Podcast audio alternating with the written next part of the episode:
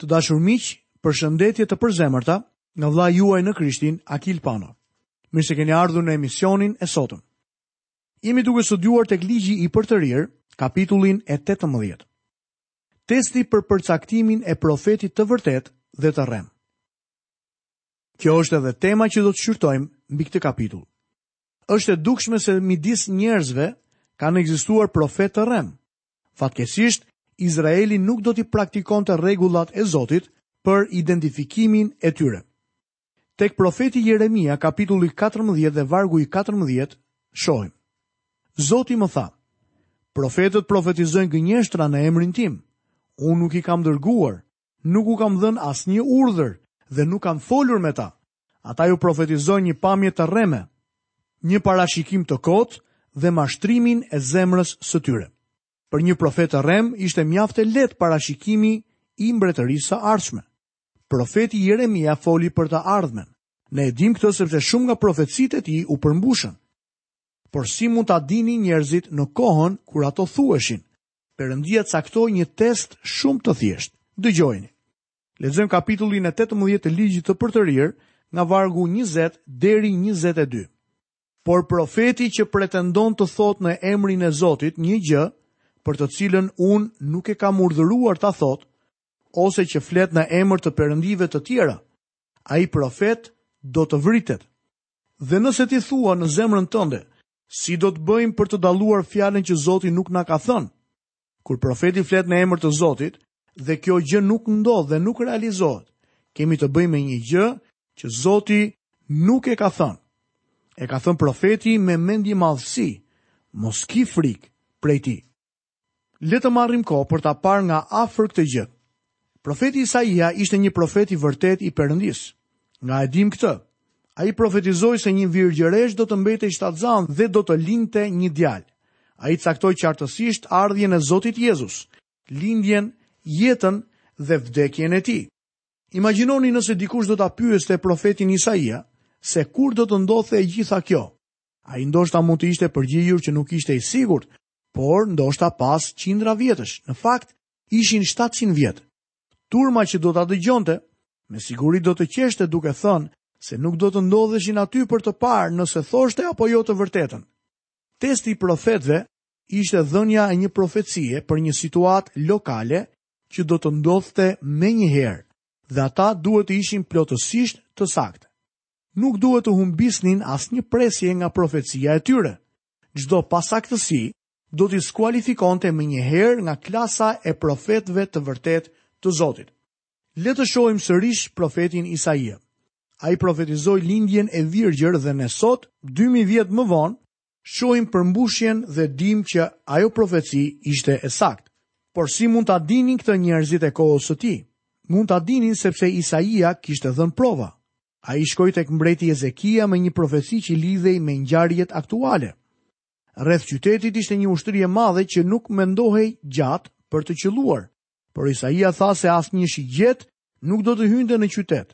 Ata asirianë kishin pushtuar kombet e tjera dhe ndodheshin aty për të pushtuar Jeruzalemin dhe për ta çuar Izraelin në robëri. Por Isaia, profeti i vërtetë i Zotit, u tha se çfarë kishte thënë Perëndia për këtë. Isaia 37, vargjet 33 dhe 34, na tregon. Prandaj kështu thotë Zoti kundër mbretit të Asirisë, ai nuk do të hyjë në këtë qytet, as ka për të hedhur ndonjë shigjetë, nuk do t'i dalë përpara me mburoja, as ka për të ndërtuar ndonjë ledh kundër tij. Ai do të kthehet nëpër ato rrugë nga ka ardhur dhe nuk do të hyjë në këtë qytet, thotë Zoti. Të gjithë ushtarët e ushtrisë asiriane kishin harqe dhe shtiza. Ju mund ta mendoni se ndoshta një ushtar i vetëm mund të hidhte një shigjetë përtej murit, vetëm për të parë nëse mund të godiste ndonjë. Në qoftë se një shigjetë e vetme godiste qytetin, profeti Isaia do të humbiste punën e tij si profet i vërtetë i Zotit. Ai do të dështonte. Ky ishte një test që Isaia e kaloi me sukses. Isaia u foli dhe personave të tjerë për një situatë të caktuar dhe ndodhi pikërisht ajo që ai tha. Profeti i vërtetë duhet të ishte 100% i saktë për kohën. Po sot, fatkeqësisht ky test skualifikon këdo që pretendon se është një profet që thotë të ardhmen. Mund t'ju siguroj se disa prej tyre kanë qëlluar në shenjë, por më të shumtët kanë dështuar. Sot nuk para dëgjon shumë për dështimet e tyre, por vetëm për hamendësimet e tyre të sakta. Mund t'ju jap shumë raste të profecive të rreme. Disa njerëz kanë parashikuar fundin e botës në një ditë të caktuar, rrëmbimin e kishës Po ashtu në një ditë të caktuar. Kanë thënë që shkatërrimi do të vijë në një ditë të caktuar, në një vend të caktuar dhe shumë e shumë gjëra të tjera.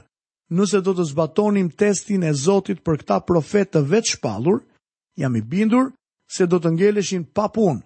Një profet i vërtetë duhet të jetë i saktë në çdo detaj, gjithmonë.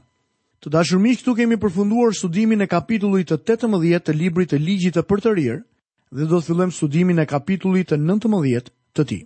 Temat që do shqyrtojmë në këtë kapitull janë këto. Qytetet e strehimit, shtrirja e vendit dhe kulmi i ligjit. Sigurimi i qyteteve të strehimit, mbrojtja e të drejtave të pronësisë dhe ashpërsia e ligjit, do të zbulojnë edhe njëherë interesin e Zotit për njerëzit e pafajshëm.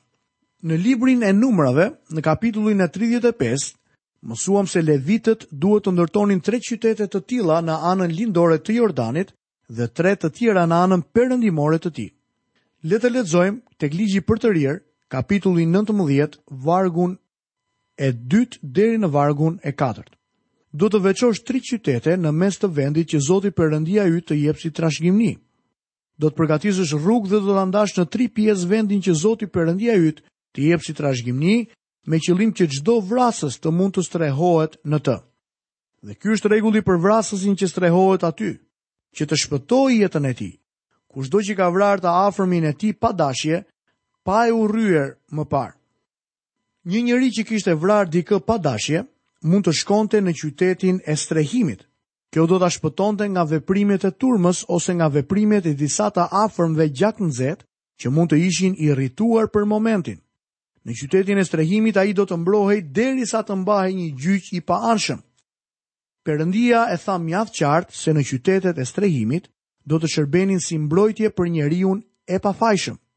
Ai jep një shembull për të sqaruar atë që thotë me anë të një vrasjeje pa dashje. Lexojmë vargun 5 dhe 6. Kështu kur dikush shkon me shokun e tij në pyll për të prerë dru, dhe ndërsa i bie një druri me sëpatë, sëpata del nga bishti dhe godet shokun që pastaj vdes. Ai person do të strehohet në një nga këto qytete dhe do ta shpëtojë jetën, sepse hakmarrësi i gjakut, ndërsa zemërimi i vlon në zemër, të mos e ndjekë vrasësin dhe të arrijë kur rruga është shumë e gjatë dhe ta vrasë edhe pse nuk e meriton vdekjen sepse në të kaluarën nuk e kishte urryer shokun e tij.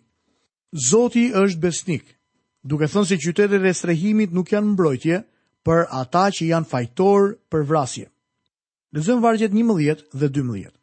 Por në rast se një njeri urren të afërmin e tij, i zë pritë, e sulmon dhe e plagos për vdekje, dhe pastaj strehohet në një nga këto qytete, Pleqtë e qytetit të tij do ta dërgojnë ta marrin që andej dhe do t'ia dorëzojnë hakmarrësit të gjakut që të vritet. Lexoj më poshtë vargun e 14. Nuk do të lëvizësh kufijtë e të afërmit tënd të vendosura nga paraardhësit në trashëgiminë që do të gëzosh në vendin që Zoti, Perëndia yt, të jep në zotërim. Këtu jepet fakti që kufijtë ishin të shenjtë, Kjo ishte një mbrojtje e pronësisë njerëzore dhe tregon të drejtën e pronësisë. Lexojmë vargun e 15. Një dëshmitar i vetëm nuk mjafton për të akuzuar dikë për çfarëdo krimi apo mëkati të kryer. Fakti do të përcaktohet me deponimin e dy ose tre dëshmitarëve. Ky pasazh na zbulon jashtëzakonshmërinë e ligjit. Kërkesat e ligjit ishin të tmerrshme dhe në asnjë lloj rrethane nuk pranohej vetëm një dëshmitar. Kushdo që sot thotë se dëshiron të jetojë sipas ligjit, duhet të zbulojë së pari se çfarë do të thotë të jetosh sipas ligjit. Nëse do të dilte një dëshmitar i rremë, i akuzuari dhe akuzuesi do të qëndronin përpara tij, priftërinjve dhe gjykatësve. Nëse gjykatësit vendosnin se dëshmitari ishte i rremë, atëherë do të dënohej me të njëjtin dënim si i akuzuari, ashtu edhe dëshmitari i rremë. Vetëm në këtë mënyrë e keqja do të shkulej me rrënjë nga kombi. Lexojmë vargun 21. Syri yt nuk duhet të ketë mëshirë, por do t'i përmbahet rregullit jetë për jetë, sy për sy, dhëmb për dhëmb, dorë për dorë, këmbë për këmbë. Ky është ligji, miq. Në ligj nuk ka mëshirë. Unë e falënderoj Perëndinë sot që ai nuk gjykon më në bazë të ligjit. Ai më shpëtoi me anë të hirit. Nëse do të më shpëtonte me anë të ligjit, do të isha i humbur përgjithmonë, sepse nuk do të mundja kurrë të plotësoja të gjitha kërkesat e tij. Ligji është ligj. Ne kemi zhvilluar një qëndrim të shkujdesur ndaj tij sot, por në fakt Perëndia e zbatonte ligjin e tij. Ligji është sy për sy dhe dhëmb për dhëmb. E falënderoj Perëndinë që Zoti Jezu Krisht pagoi dënimin për ligjin në mënyrë që të faleshin mëkatarët. Froni i Zotit u kthye në një vend mëshire për shkak se Krishti vdiq dhe gjaku i tij u spërkat. Ai gjak është gjaku i besëlidhjes së re me Perëndinë. Perëndia na shpëtoi përmes birit. Ne nuk e kemi respektuar, nuk jemi bindur, nuk kemi zbatuar ligjin, përkundrazi e kemi thyer. Të gjithë jemi fajtorë përpara Perëndisë. Krishti e pagoi dënimin. Kështu kërkesat e ligjit u përmbushën. Tani Perëndia është i lirë të shpëtojë mëkatarët dhe me anë të hirit të tij të mrekullueshëm të pafund. Të dashur miq këtu kemi mbërritur në fundin e kapitullit të nëntëmbëdhjetë të librit të ligjit të përtërirë. Tani fillojmë kapitullin e njëzet për ta studiuar. Tema që do të shohim është ligjet që rregullojnë luftimet. Libri i ligjit të përtërirë është një libër shumë praktik. Ai prek edhe jetën në ditët e sotme. Në këto ligje gjejmë disa principe bazë që mund të na ndihmojnë në lumturinë dhe betejat e njerëzimit nëse do të ishin përfshirë në ligjet e kombeve moderne. Lexojmë nga vargu i parë i kapitullit të 20 në ligjin e përtërirë. Kur të shkosh në luftë kundër armiqve të tu dhe të shikosh kuaj, qerre dhe njerëz në një numër më të madh se ato që ke, mos ki frikë prej tyre sepse Zoti Perëndia yt që të bëri të ngjitesh nga vendi i Egjiptit është me ty. Këtu jepet diçka me rëndësi për Izraelin dhe besoj se kjo është e rëndësishme edhe për ne. Shpesh lexojmë pankarta që shkruajnë: Bëni dashuri dhe jo luftë. Kjo ndoshta mund të tingëllojë bukur, por si shumë moto të tjera, është absolutisht e pakuptimtë. Për shkak se jetojmë në një botë të mëkatshme, ku zemra e njeriu është e ligë, ka kohë kur duhet bërë luftë, ka kohë kur ne duhet të mbrojmë veten tonë. Ka luftëra në të cilat Perëndia qëndron në njërën anë. Lexojmë vargun 2 deri në vargun e 4. Kështu në çastin kur do të jeni duke filluar betejën, prifti do të dalë përpara dhe do t'i thotë popullit: Dëgjo Izrael, sot jeni gatitur për t'u ndeshur me armiqtë tuaj. Zemra juaj të mos ligështohet. Mos kini frikë, mos e humbni dhe mos u trembni para tyre, sepse Zoti, Perëndia juaj, është ai që ecën me ju për të luftuar për ju kundër armiqve tuaj dhe për t'ju shpëtuar. Kjo është diçka shumë e rëndësishme në luftëra. Sigurohuni që jeni në anën e Perëndisë. Perëndia i urdhëroi të luftonin kundër atyre kombeve dhe premtoi se do të ishte me ta. Tani Zoti vendos katër kushte ose katër shkaqe që e ndalonin një burrë të shkonte në betejë. Lexojmë vargun e 5. Pastaj oficerët do t'i flasin popullit duke thënë, A ka njeri që ka ndërtuar një shtëpi të re dhe ende nuk e ka përuruar? Le të shkojë dhe të kthehet në shtëpinë e tij, që të mos vdesë gjatë betejës dhe një tjetër të përurojë shtëpinë e tij. Nëse një njeri kishte ndërtuar një shtëpi të re dhe nuk kishte pasur mundësi për të jetuar në të, nuk duhet të shkonte në betejë, sepse natyrshëm zemra e tij do të ishte në shtëpinë e tij të re, Ai kishte vendosur zemrën dhe emocionet e tij në të. Dëshironte të ishte atje, prandaj, duhej t'i jepej mundësia të shkonte në shtëpinë e tij të re. Lexojmë vargun e gjashtë. A ka njeri që të ketë mbjellë një vresht dhe të mos ketë shijuar akoma frutet e tij? Le të shkojë e të kthehet në shtëpinë e tij që të mos vdesë gjatë betejës dhe një tjetër të gëzojë frutat e tij. Lexojmë më poshtë vargun e shtatë. A ka njeri që është fejuar me një femër dhe nuk e ka marrë akoma me vete, nuk është martuar? Le të shkojë dhe të kthehet në shtëpi të tij, që të mos vdesë në betejë dhe një tjetër ta marrë atë. Këtu jepet një djalë i ri që është fejuar me një vajzë dhe që thirret ushtar. Ai nuk duhet marrë ushtar. Ky djalë është i dashuruar me atë vajzë e do të martohet me të. Lëreni të qëndrojë në shtëpi dhe të martohet, sepse zemra e tij nuk është në betejë, por është në shtëpi.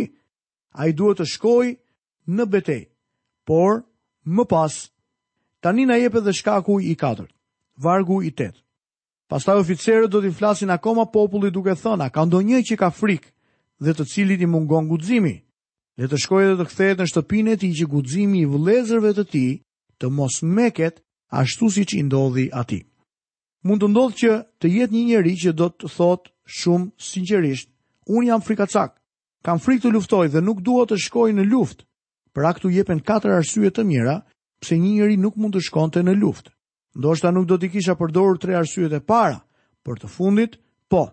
Një njeri nuk duhet të shkonte në luftë nëse kishte frikë dhe i ishte ligështuar zemra. Unë do të isha kthyer patjetër në shtëpi. Ky ligj gjeti zbatim në ushtrinë e Gideonit. Ndoshta mund ta mbani mend se Gideoni u nis me një ushtri prej tridhjetë e dy mijë vetësh që u grumbullua për të çliruar kombin e tyre nga zgjedha medianite që i kishte varfëruar shumë.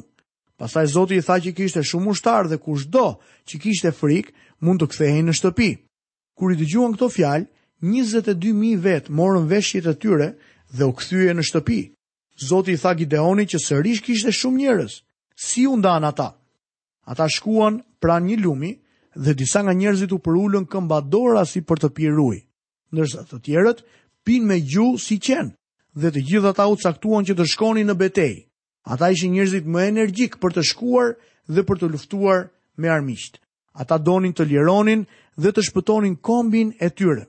kështu që u nisën në betejë, ndërkohë që të tjerët u kthyen në shtëpi. Në shumë vende të botës ka probleme me të rinjtë që i shmangeshin thirrjes për në ushtri, duke djegur fletëthirrjen. Këtu Perëndia na thotë se ai dëshiron që njerëzit e tij të dinë dy gjëra përpara se të shkojnë në luftë. Së pari, duhet të jenë në anën e Zotit. Lufta në të cilën ata janë përfshirë duhet të jetë një luftë e drejtë. Duhet të luftojnë për atë që është e drejtë dhe ta dinë që Zoti është me ta. Së dyti, duhet të jenë entuziast për këtë gjë. Ka raste kur njerëzit duhet të luftojnë për veten e tyre dhe këtu ka vend për flamur dhe për patriotizëm.